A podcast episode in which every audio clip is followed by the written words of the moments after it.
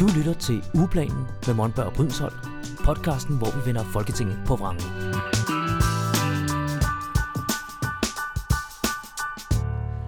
Velkommen til. Jeg hedder Michael Monberg, og jeg er dyrerettighedsordfører i Alternativet. Og jeg hedder Helene Liljendal Brydensholt. Jeg er flygtning- og integrationsordfører i Alternativet. Og i dag har vi endnu en gang en uh, gæst med i studiet, og du får lov til at præsentere dig selv. Ja, hej. Jeg hedder Troels Christian Jacobsen, og jeg er beskæftigelsesordfører i Alternativet også. Fantastisk. Hvordan ser det ud med det nyudskrevne valg og beskæftigelsen i Danmark? Er der en korrelation mellem de to? Altså, øh, et af yndlingsemnerne for de traditionelle partier er jo arbejdsudbuddet, mm. og den øh, fylder bestemt, fordi øh, det, som især Blå Blok står og siger, det er, at industrien skriger på arbejdskraft. Der mangler simpelthen. Ja. Pape stod, tror jeg nok, i partilederdebatten i går og snakkede om, at der manglede, eller vil komme til at mangle 90.000 hænder. Og der kommer vi med lidt af et benspænd, mm. fordi vi vil faktisk øh, sænke tilgængeligheden af arbejdskraft i Danmark. Det er rigtigt. Hvis man kører et af Alternativets forslag, nemlig en øh, fire-dages arbejdsuge eller 30 timers arbejdstidsnorm mm. ind i øh, Finansministeriets regnemodeller, så vil alle de andre partier øh, simpelthen sige, hvad tænker I på? Ja. Fordi det vil betyde, at arbejdsudbuddet vil falde, og det er jo det må man aldrig sige i dansk politik. Det er det værste. Altså, så kunne man lige så godt sige, at øh, julemanden ikke fandtes til de små børn. Det vil være lige så slemt. Og det er emnet for den her øh, specielle podcast, vi kører i den her uge, Helene. Ja, ja. det er det nemlig 30 timers arbejdsuge slash 4 dages arbejdsuge og ja. noget beskæftigelse og lidt jobcenter, tror jeg også, vi kommer ind over, når nu vi har Troels i studiet. Ja, og Troels, du skal op og hænge på korset i dag, fordi du har jo lige sagt netop det, man ikke må sige, og det er, at vi skal arbejde mindre i et land, hvor der er mangel på arbejdskraft. Så hvordan, hvordan kan Alternativet komme med så vild en idé? Altså, det er jo ikke noget nyt for os. Det er noget, vi har haft det på repertoireet længe, fordi mm. det er den naturlige udvikling. Det har vi jo gjort før. Vi startede jo med 60 timer for mange, mange år siden, og så er den jo gradvist blevet skruet ned. Og hvis man ligesom kigger på kurven, så er det ved at være på høje tid, at vi igen ligesom trapper lidt ned. Hvis vi skal følge kurven ned ja, efter. Den naturlige historiske udvikling. Mm. Og hvorfor er det på høje tid? Hvis du vil sætte nogle ord på det. Hvad... Altså både mener jeg aktuelt er det på høj tid, fordi vi har et, et samfund, hvor vi er ret stresset. Altså der er mange mennesker, der oplever stress og afmagt og depression og alle mulige øh, mistrivsel af forskellige art. Øhm, og det at faktisk få mere tid til sig mhm. selv, mere tid til rådighed selv ja. at bestemme over, mm. det giver folk mere magt over deres eget liv det giver dem mere tid til at kunne lytte og mærke efter. Mm-hmm. Altså både mærke efter, hvordan har jeg det egentlig. Det giver dem tid til faktisk at lytte efter deres samvittighed. Hvad har jeg det godt med at bruge mit, mit arbejdsliv på? Ja. Øhm, og det tror jeg, det er noget af det... Altså sjovt nok ofte, så kommer folk jo især med den rekrutteringskrise, der er inden for velfærden, altså mm. med pædagoger eller sygeplejersker, eller alle. Det er jo snart sagt hele velfærden, hvor der er ja. rekrutteringsproblemer. Og det er jo især der, hvor jeg hører, når jeg kommer med det her, hvad pokker, hvordan kan jeg overhovedet foreslå det her nu, ja. hvor vi har rekrutteringskrise. Ja. Og for mig er der ikke nogen tvivl om, at det her vil hjælpe på rekrutteringskrisen. Og det lyder lidt ulogisk. Ja, det gør det. Den må vi lige besøge. Hvordan det? Fordi når jeg snakker med folk, der arbejder i velfærden, mm-hmm. øh, folk, der arbejder i hjemmeplejen eller øh, på daginstitutioner, så hører jeg mange, der forlader faget. Og ah. hvorfor forlader de det?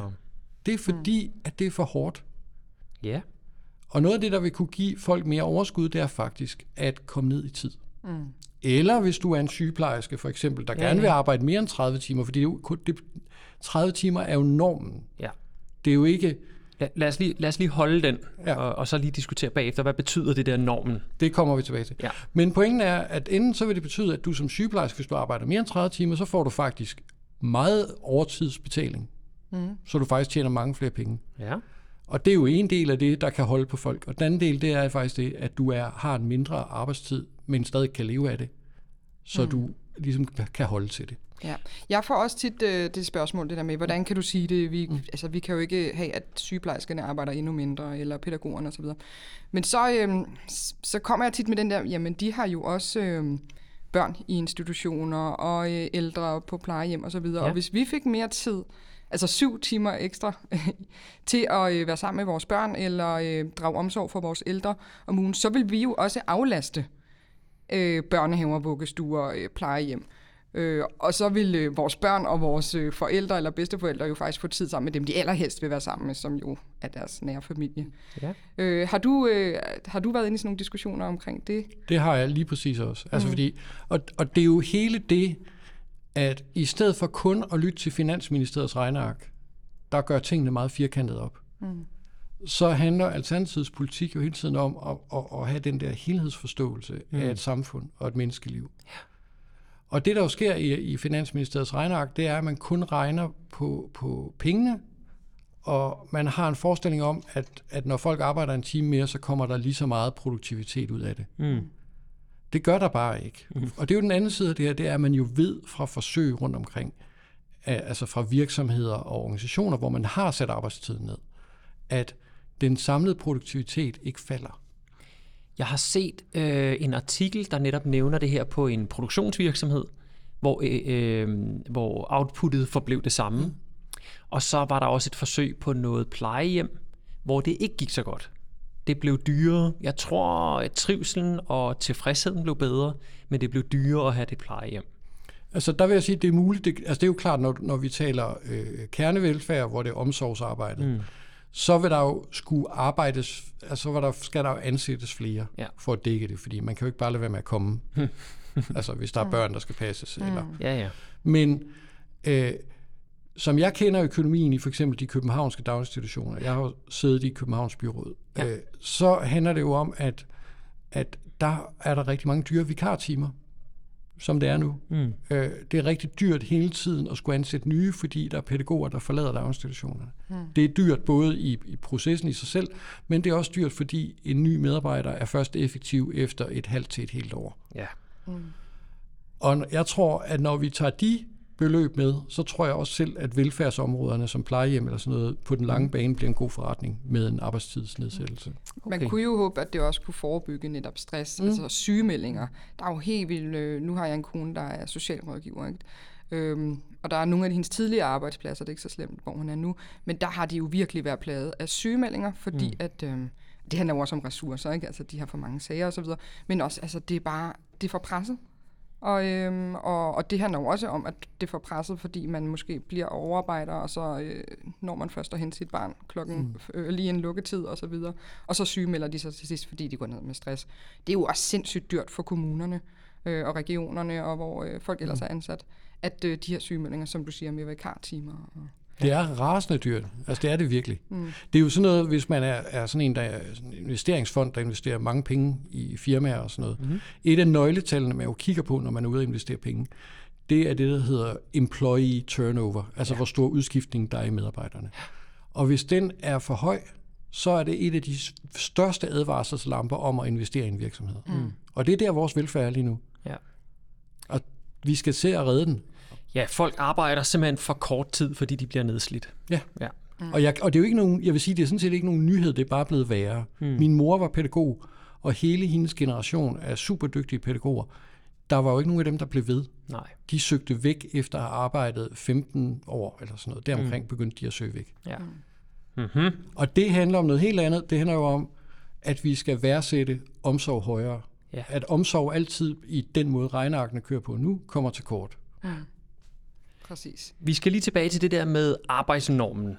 30 timers arbejdsnorm. Når jeg laver opslag om det her, så er der rigtig mange, der siger, jamen hvor får jeg så alle mine penge fra til at drikke mig fuld om fredagen? Øhm, og hvad, jeg har lyst til at arbejde længere. Jeg kan godt lide den, øh, den fem, fem dages arbejdsuge, eller arbejde 40 timer, eller hvad det nu måtte være. Hvad er dit svar på det? Jamen, det er, det er jo ikke noget loft. Det er jo ikke et forbud mod at arbejde mere. Det er Men hvad betyder normen. arbejdsnormen sådan Normen på papiret? Det, det betyder, og nu er det også vigtigt at få med, det her det er jo noget, der skal laves sammen med arbejdsmarkedsparter. Mm. Det er jo ikke noget, Folketinget kommer til at bestemme. Nej, Formoder jeg stærkt, fordi det, det plejer vi ikke at gøre i Danmark. nej, den danske øh, og det vil jo betyde, at det bliver normen i lønaftaler mm-hmm. på arbejdsmarkedet. Og det betyder, som jeg også sagde før med sygeplejerskerne for eksempel, at hvis du som sygeplejerske arbejder mere end 30 timer, så vil det tælle overtid. Mm. Fordi så går du ud over det, der er normen. Så det vil betyde, at arbejdsmarkedet vil blive rykket på den måde. Ikke? Mm. Men en sygeplejerske skal stadigvæk, hvis hun har lyst, eller han har lyst, arbejde 40 timer, eller 50 timer, eller Ja. Mm. Min far, der var sælger, elskede også at arbejde. Han kunne, han kunne nærmest ikke finde ud af andet end at arbejde. Vel? Nej, nej. Så han har arbejdet tit 70 timer om ugen. Ikke? Nej, og jeg, Men- jeg, jeg tror, det er det, der strider på nogle mennesker, mm. det der med, at, at vi skal ind og diktere, hvor lang tid folk skal arbejde. Men det er faktisk slet ikke det, det handler om. Det, det, handler, det handler faktisk om, hvornår du går fra din, din kontraktuelle løn over til overarbejde. Det er virkelig det, det, det, det er den streg, vi sætter her. Præcis. Nu spørger jeg nok lidt dumt, mm. men vi kan jo kun som politikere fastsætte en, en 30 timers arbejdsnorm i det offentlige. Vi kan jo ikke gå ind og diktere i det private. Eller hvordan? Altså, vi kan sådan set heller ikke, vi kan ikke bare fastsætte det som, som politikere. Altså, mm. det er jo en overenskomstforhandling mellem altså staten og kommunerne som arbejdsgiver mm. og de faglige organisationer. Det kan også være, at jeg er uantageligt grund, de faglige organisationer slet ikke er interesseret i at nedsætte arbejdstiden, mm. selv hvis man kom som arbejdsgiver og tilbød det. Det, skal, det kan man jo ikke vide. Men det man kan, og det er jo noget af det, vi blandt andet er gået i gang med i København, det er at kigge på og lave os forsøg med det. Fordi det er rigtig nok, det kan virke skræmmende, og det er en stor mm. forandring. Øh, og, og dummere er vi jo heller ikke i Alternativet, og mere naive er vi jo heller ikke i Alternativet, end at vi der er friske på, at så lad os undersøge nogle af tingene, for det er afklaret. Og det er jo også noget det, vi kan gøre på statens område. Mm. Øh, Men så ikke, altså, så, så vi forventer, vi, vores ideal er vel, at vi kommer til at have den her 30 timers arbejdsuge. Øhm, og der forventer vi så, at de private følger med på en eller anden måde, når vi så har rullet det ud gennem alle parterne, arbejdsmarkedets parter osv., at så følger de private virksomheder nok også med. det vil meget hurtigt få en afsmittende virkning, ja. Ja. ja. Spørgsmålet er i virkeligheden, om det kommer den anden vej. Det Fordi- tror jeg også, hvis, hvis, hvis vi ikke får en regering, der synes, det her er interessant, så kommer det private marked til at overhale, og det vil være et kæmpe problem. Fordi det er jo lidt det der, at, at det offentlige har svært ved at holde på meget af arbejdskraften. Mm-hmm. Mm. Det er en god oh, pointe, ja. ikke? Altså, fordi at man, det, det offentlige er jo i konkurrence mm. med de private Ja. på, på mange parametre. Så hvis vi ikke er first movers på det her, så, øh, ja, så har vi igen mm. et, et, et rekrutteringsproblem nok. Mm. Øh, endnu et. Jeg, jeg, jeg forudser, at det bliver lidt ligesom det private trækker med øh, en smartere mobiltelefon og lidt mere frihed, øh, lidt mere øh, det, at man selv kan vælge, hvornår man vil på arbejde og hjemmearbejdsdage og alt det der. Så tror jeg, at det her det bliver en konkurrenceparameter. Man simpelthen kan trække dygtig arbejdskraft ud af det offentlige ved at tilbyde dem en, øh, en 30 timers norm. Ja. Det må vi se. Der er jo nogle virksomheder, der er begyndt at implementere det i Danmark. Øh, som, som jeg nævnte, den her produktionsvirksomhed, som jeg læste om i artiklen. Er der andre, du kender til? Altså, et af de første, vi kendte til her i Skandinavien, var øh, Toyota i Sverige, Mm. der er begyndt på det. Okay. Som jo også er en slags produktionsvirksomhed. Ja, det må man sige. Øh, nej, men det var jo ikke en bilfabrik eller sådan noget. Det var sådan noget Toyota Service og Okay. okay. reparation og klargøring af biler og sådan noget. Ja. Øhm, jeg, jeg tror, det var de første, jeg hørte om i Skandinavien, der omlagde til en 30 timers mm. arbejdsnorm. Ja. Og, det, og for dem var det en kæmpe succes. Okay. Altså det var faktisk, så tror jeg, så vidt jeg husker, steg produktiviteten lidt, og medarbejdertilfredsheden helt vildt meget. Altså, så, så mit næste spørgsmål her. Der, der er to elementer i det. Det er, hvor stopper vi henne? Altså på den ene side, så kan man sige, at det positive, det kunne være, jamen så lad os gradvist sænke, sænke arbejdstidsnormen. Men når jeg står ude i debatter sammen med typisk blå fløj, så bliver det straks til et slippery slope, ikke? Altså, alternativet, de vil nu ned på 30 timer, og inden vi ser os om, så vil de have, at vi slet ikke skal arbejde.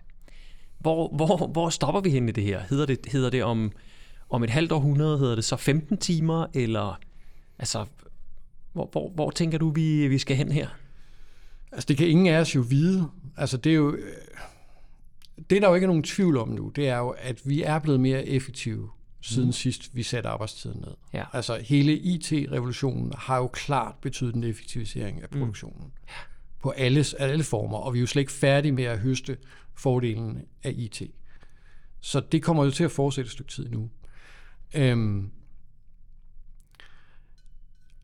jeg aner ikke, hvor vi ender henne. Altså, man kan sige, der, der er nogle ting, der står, nå, der er jo nogle ting, der står i vejen for, for den øh, forudsigelse, ikke? Altså, Jo. fordi der er en, en der er jo både en øh, altså, der er jo en rovdrift på naturen og en rovdrift på mennesker, der sker lige nu. Mm. Og hvis vi fortsætter med det, Ja. så brænder systemerne jo sammen, mm. og så kommer vi til at ryge øh, tilbage til middelalderen på et eller andet tidspunkt, ikke? Og så skal mm. så taler vi i en 70 timers arbejdsuge.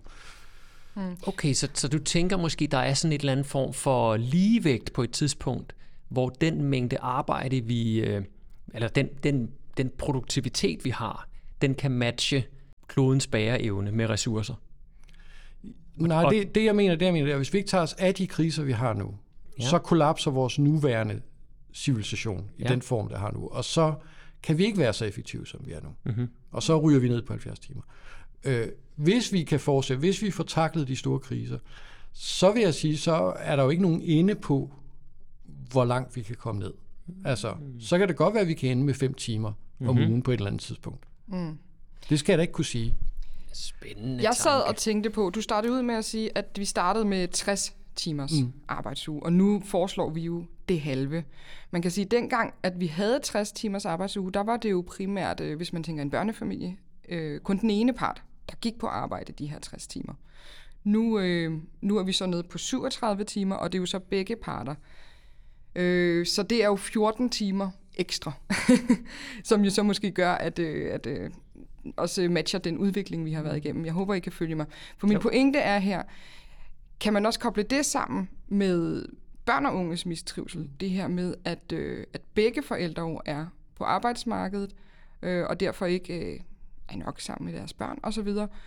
Og at øh, og kan man bruge det som et argument for de her 30 timer, fordi så har man ligesom delt mandens, som det jo var dengang, øh, 60 timer op i, i de to færre dele, som nu vil gå til en, i, ja, de to parter i en familie. Altså, sådan kan man, sådan kan man sagtens se på det. Altså, Ja. ja.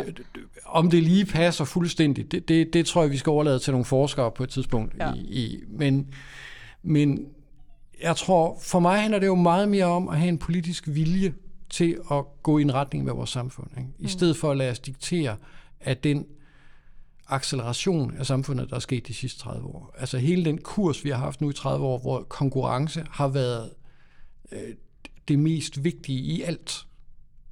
Altså, Mm-hmm. den udvikling, jeg har oplevet i min livstid, det er, ja. der er konkurrence bare blevet større og større. Ikke? Ja. Så meget vi taler om, at vi nu har konkurrencestaten. Mm. Og vi bliver simpelthen nødt til at have den politiske vilje til at trykke lidt på bremsen over for den der konkurrence. Og den der acceleration, eller det der hamsterhjul, eller hvad man vil kalde det, hvor det bare kører løs. Altså, og hvor folk oplever større og større afmagt.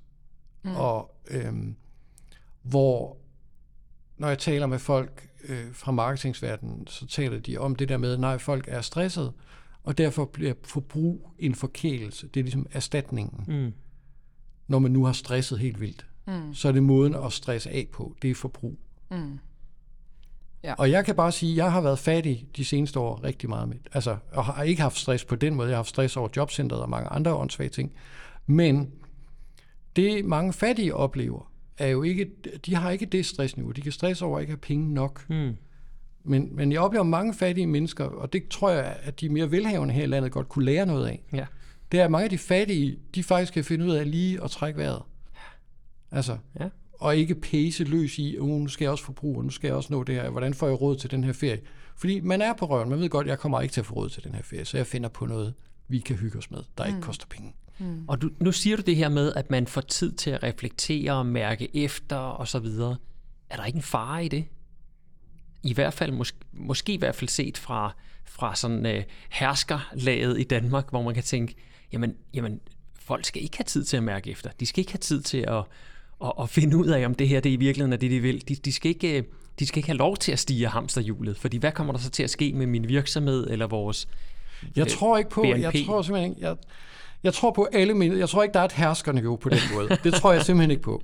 Uh, uh, det kan godt være, at der findes nogle få virkelig skumle typer, der sidder rundt omkring og, siger, og gnækker og tænker sådan noget. Altså, Mette, Men- Mette men- Frederiksen sagde jo, nu, det, Ja, ja, det skal ikke være sjovt at gå på arbejde og leve med det, ikke? Det, Ah, var det ikke to forskellige sætninger, Åh, du har sammen det var der, det, var jeg det. det. Men, Men, men, hun sagde, at det skal ikke være sjovt at gå på arbejde. nej, og det, der, der det, ligger jo et element i det, ikke? Det gør der der helt ligger, klart. kom nu, der, I skal derud, Men- og I men- skal drive væksten. Men det er jo fordi, der er nogle mønstre, der fanger os. Vi bliver påvirket af de mønstre og de regler, vi har sat op for os selv. Mm-hmm. Og jeg vil tro, at Mette Frederiksen er lige så fanget af hamsterhjulet, eller accelerationen, eller konkurrencetankegangen. Ja. Og det er jo også noget, jeg kan mærke, når man kommer ind i politik. Altså det må I også kunne mærke, at hele det der konkurrencepres, der også ligger omkring politik. Ja. Ikke? Uh, jeg skal ud og skaffe stemmer. Vi skal vinde over de andre. Ja, ja. Vi skal blive en succes. Ikke? Vi skal sælge vores produkt. Ikke? Mm. Altså, jeg har med vilje for eksempel på min flyer, hvor jeg har øh, småkager, der fortæller jeg det ikke. Jeg nægter at bruge det som lokkemiddel til, at folk tager, oh, Ja. modtager flyeren. Ja. Det får de at vide, hvis de har sagt ja. Ja. Det er mit lille oprør mod, hvordan marketing kører normalt. Ja. Ja. Og vi bliver nødt til at have den politiske vilje til at lave de benspænd over for den accelererende konkurrence, for ellers så kommer vi alle sammen til at dø af stress. Mm. Og så, er det, så kan vi, altså så kollapser tingene. Mm. Og det er det, der er på vej i velfærden nu. Det er det, der er på vej, når vi hører for eksempel fra USA om The Great Resignation, hvor folk begynder at sige op. Mm. Eller øh, hvad er det, den anden udgave hedder, The Quiet, øh, kan jeg simpelthen ikke huske, men det er den anden variation, hvor folk ikke åbenlyst siger op, men i al stillhed øh, mindsker deres effektivitet som et slags stille oprør, mm. fordi de ikke oplever meningsfylde i deres ja. arbejde. Ja. Spændende. Nu kom du jo lidt ind på sådan noget med, øhm, med, med fattigdom og, og, og mennesker, der står uden for arbejdsmarkedet og så videre. Det synes jeg også lige, vi skal, vi skal runde her, inden, mm. Øhm, mm. inden vi slutter det her særafsnit. Mm. Fordi det ved jeg, det er en, øh, en stor mærkesag for dig, det her med, med jobcentrene og, mm. øhm, og rådighedspligten, det er det, du kalder det. Vil du, vil du fortælle os lidt mm. om, øh, hvad, hvad er din vision for, for jobcentrene, og Alternativets vision for, mm. for fremtidens jobcenter, tror jeg, I kalder det? Så det hænger jo sammen med hele vores blik på arbejdslivet. Mm. Altså det samme, som jeg snakker om før med, at man skal have øh, tid og frihed til at mærke efter og lytte til sin samvittighed, når man vælger arbejde. Det er centralt for vores vision på hele det område.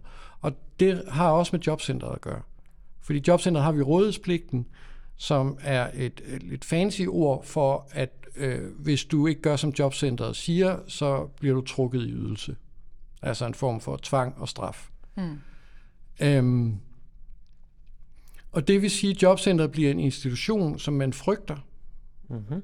Øh, det er både dem, der er ude på arbejdsmarkedet, frygter den, fordi det, alle ved, det er øve at komme der, og ja. det, det er stigmatiserende at blive arbejdsløs, og åh oh, nej, så skal jeg ned på jobcentret. Øhm, og vi vil gerne have den øvting ud af det danske arbejdsliv. Altså vi vil gerne have øh, frygten ud af det danske arbejdsliv. Sådan også dem, der er ude på arbejdsmarkedet, oplever den frihed til faktisk at tænke, hvad har jeg egentlig lyst til at bruge mit arbejdsliv på? Hvad er egentlig meningsfyldt? Ikke bare i forhold til at få en løn, men også i forhold til, at det bidrager til fællesskabet. Og nu, nu taler vi om Mette Frederiksen, en af de ting, hun, og jeg kæmpe med hende på det, når hun taler om det, hun taler om forpligtende fællesskaber rigtig meget. Mm. Og det synes jeg også er noget, vi, vi bør tale langt mere om i Alternativet. Øh, fordi det går hele vejen fra politik, som er blevet sådan en slags supermarked, hvor folk ikke melder sig ind i et forpligtende fællesskab, men shopper rundt blandt partierne. Og det bliver en slags produkter, man kan købe med sin stemme. Øh, det er rigtig meget vores kultur, der er blevet markedsgjort. Mm. Og vi har brug for, at man melder sig ind med en forpligtelse i et fællesskab. Og det er derfor, tvang er et problem i jobcentret. Forpligtelse og tvang, det lyder lidt af det samme. Nej, det gør det ikke, fordi når jeg forpligter mig, hvis jeg siger, øh, kære Monberg, vil du ja. gifte dig med mig? Mm-hmm. Og du siger ja, så har vi en gensidig forpligtelse. Ja. Det ved vi alle sammen. Det er også, man lover noget til nogen. Jeg har lovet at komme her i dag, det har jeg forpligtet mig på. Men er det ikke bare en form for mental tvang så? Nej, når du gør det din egen fri vilje. Det er jo det at forpligte sig på noget. Det er jo mm. noget, du selv vælger at gøre. Ja. Det er ikke dig, der tvinger Troels til Nej. at gifte sig med dig. Nej, Nej men, men igen, nu jeg bliver lige lidt uh, djævelens mm. advokat her. Uh, hvis der ligger en forpligtelse, mm. så ligger der jo den her... Ja, der ligger jo i, inde i mit baghoved, så ligger der, at selvom jeg ikke lige gider lige nu, mm. så har jeg, jeg har forpligtet mig ja, til det. så bør du gøre det. Jeg bør gøre det. Ja. Og når man bør gøre noget, så er man på... Jeg ved godt, tvang er et meget hårdt ord, men men, mm. men der ligger jo en eller anden, øh, der, der ligger jo en, jeg ved ikke om, om det, men det er jo sådan, man har fællesskab. Nede i lillehjernen, at der, der, der, der trigger noget tvang der. Mm. Ja, men jeg tror, og der er, jeg har mødt folk, der har det, det negativt med ordet forpligtelse ja. af samme grund. Ikke? Mm. Men det tror jeg er, fordi vi har været udsat for tvang. Okay. Mm. Og så derfor så oplever man det sådan. Ikke? Mm. Altså, de meget frihedsstræbende mennesker, jeg kender i mit liv, det er nogen, der øh, virkelig alt, hvad der smager på en eller anden måde, de gør oprør imod det. Ikke? Og ja. det kan jeg godt forstå. Men det vi har brug for, det er friheden. Og friheden er en ressource, som man, altså frihed i sig selv har ingen mening. Altså frihed i sig selv er mm. Hvis du ikke bruger den til noget, er den ikke noget værd. Mm. Og hvad kan man bruge frihed til? Enten kan man bruge det til at hoppe rundt i et stort supermarked og shoppe løs, eller også kan man bruge den på at forpligte sig på nogle fællesskaber. Mm-hmm. Det vil jeg sige, det er the choice. Mm. Og hvordan, øhm, Ja, og hvordan har det så... Så hvis vi lige skal gå tilbage ja. Til det her med rådighedspligten, og så, så den, vil, den, vil, den vil Alternativet afskaffe, rådighedspligten. Og Ja. hvad, hvad sker der så, hvis det sker? Det, der sker, det er, at det vil være et kæmpe... Altså, det er jo igen en af de super forbudte ting. Ja. Det er jo endnu mere forbudt end 30 timers arbejdsnorm. Mm-hmm. Øh, fordi det er så indbagt, at der er nogle folk, der tror, at det faktisk står i vores grundlov, mm. det her med rådighedspligten. Det gør det ikke. Mm. Altså, der står faktisk, at staten har en, en forpligtelse til at forsørge dem, der ikke kan selv. Okay, ja. Det står Så- i grundloven. Så det er staten, der har en forpligtelse, og, Ja, ja, og ikke Og faktisk, borgerne. øh, øh, Socialdemokratiets gamle øh, øh, gør din pligt, kræv din ret, som de nu prøver at få til at, at være, øh, at gøre din pligt betyder rådspligten, du skal arbejde, hvis du kan. Mm. Det var ikke det, de mente i gamle dage i Socialdemokratiet. Pligten i Socialdemokratiet, det var nemlig den der, øh, din pligt over for fællesskabet. Mm. Altså pligten, det at du har forpligtet dig på øh, arbejderbevægelsen for eksempel. Ja. Så din pligt til for eksempel at kræve din ret. Mm. Din pligt til at være solidarisk med de andre. Mm. Det var det, Socialdemokratiet talte om i gamle dage. Det er jo ikke det, de taler om nu. Øhm, så det her det er et opgør med en tankegang, som, øh, som ligesom er blevet almen, og de færreste i virkeligheden tænker over. Det er en norm, og det er jo ikke...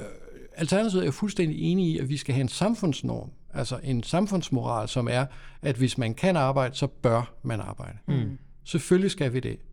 Hvis du kan, skal du bidrage til fællesskabet. Mm. Men det er bare det, at det er virkelig dårlig jura. Det er en norm, som det er dumt at gøre til jura, fordi den medfører de 30.000 siders regler, vi har på området. Det gør det gumbetungt, det, det gør det dyrt, og det gør det øv. Og hvis du spørger også de store moralfilosofer, som Kant for eksempel, Ja. så vil Kant sige, det der, det er noget værd noget, fordi det er tvang, og de mennesker, der er i det system, kan faktisk ikke forpligte sig på et fællesskab, for de bliver tvunget, i stedet for at gøre det ud af egen fri vilje. Så folk skal have penge, hvis de ikke har et job, uden at være tvunget mm. til at gøre noget. Ja. Så er vi ude i sådan noget borgerløn, ikke? Nej, det er ikke borgerløn. Nej. Øh, borgerløn, øh, der, der vil øh, alle have ret til det. Mm. Øh, så det vil, slet ikke, det vil ikke have noget at gøre med din indkomst. Okay. Altså det her, det er jo stadigvæk, du vil stadig være dagpenge, øh, få dagpenge eller få kontanthjælp, som har nogle andre betingelser knyttet til sig. Ikke? For eksempel på kontanthjælp må du ikke have en formue på over 10.000. Så hvis du for eksempel ejer et hus, så skal du først sælge dit mm. hus og leve af de penge, før du kan modtage kontanthjælp. Okay.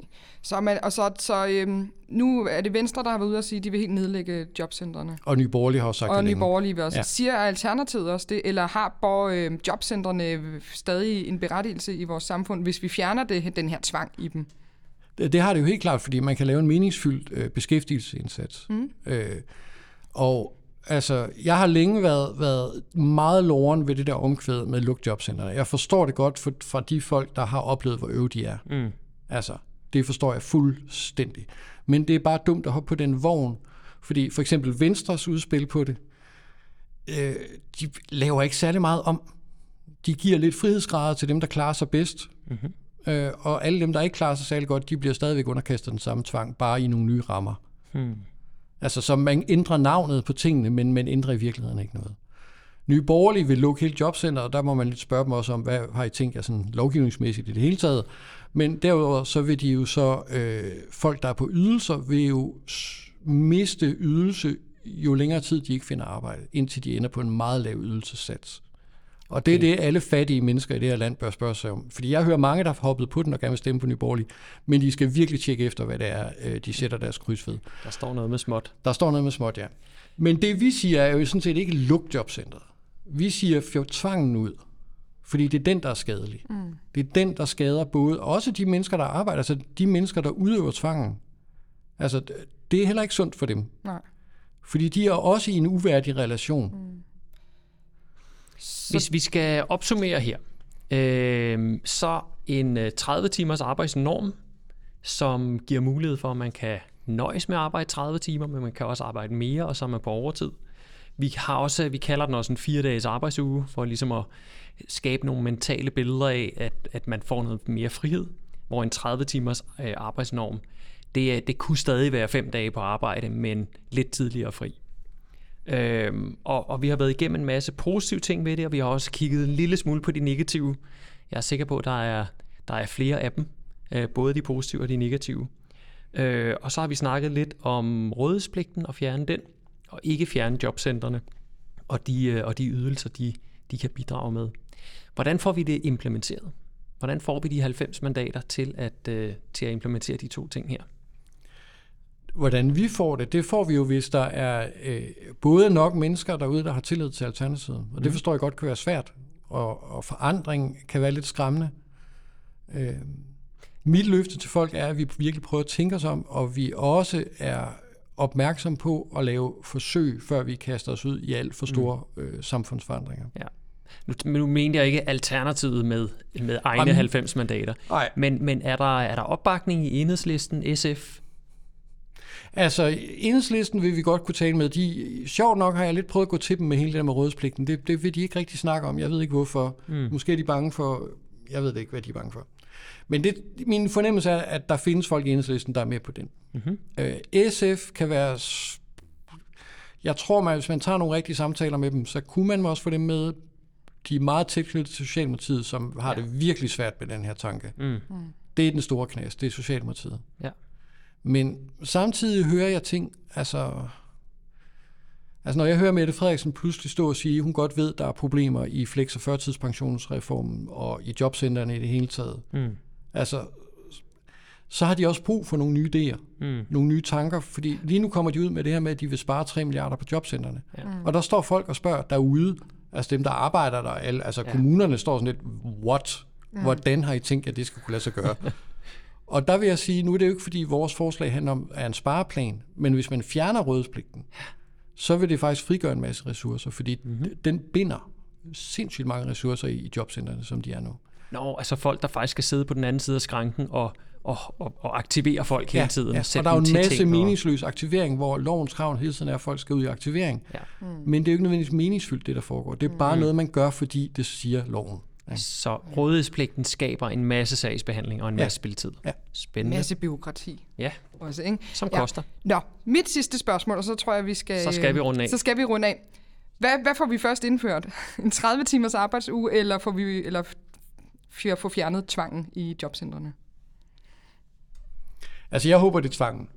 Okay. Men jeg tror, at den er sværest, fordi jeg tror simpelthen, der er så mange mennesker, der er, er undskyld, eller kraftige udtryk, hjernevasket til at tro på det. Ja. Altså hjernevasket til at tro på, at tvang virker. Mm. Altså også når jeg taler med folk, der arbejder inden for jobcentrene. Jeg forstår det ikke. Altså jeg, jeg er sådan helt... Jeg vil virkelig, jeg har prøvet flere gange sådan forklare mig, hvorfor I tror, det her virker. Jeg tror, realistisk vil vi mere nok få 30 timers arbejdsnorm igennem. Okay. Mm. Altså ikke nødvendigvis som en stor politisk sejr, men øh, som en række skrevet, og Ja. som du snakker om, så begynder det private arbejdsmarked også at rykke på sig, og så pludselig så kommer det også i det politiske. Har du sådan en, øh, en, en, en årrække, du, du ser det indenfor? Altså snakker vi, snakker vi her i 20'erne, eller skal vi ud i 50'erne, eller hvor, hvor er vi henne? Altså jeg kommer til at kæmpe for det, altså til at dør. Nå, men fordi jeg synes, det er så det er, det, altså det er mindblowing dumt at køre den tvang. Ja. Altså, det, det er det bare. Mm. Øh, så jeg håber, vi kan klare det i løbet af 20'erne, fordi ellers så Sådan. bliver det lidt trælst. Og lad os også satse på det med de 30 timers. Ja, jamen lad os, øh, Ja. lad os genbesøge det her i, øh, hvor- i afsnittet i 2029. Ja. Så, så ser vi, hvordan det er gået. Lad os sige det. Ja. Så tak fordi du kom, Troels. Tusind tak for at øhm, være. Og Ja. ja. næste uge, der er jo gået total valgkamp i den, så der, der sker ikke noget nede i Folketingssalen. Nå. Så næste uge, der kommer vi også ud med et særafsnit med en ny gæst. Så øh, det skal Ja. I glæde jer til. Lyt med. Kan I have det godt derude. Tak for denne gang. Ugeplanen med Monberg og Brydensholt. Podcasten, hvor vi vender Folketinget på vrangen.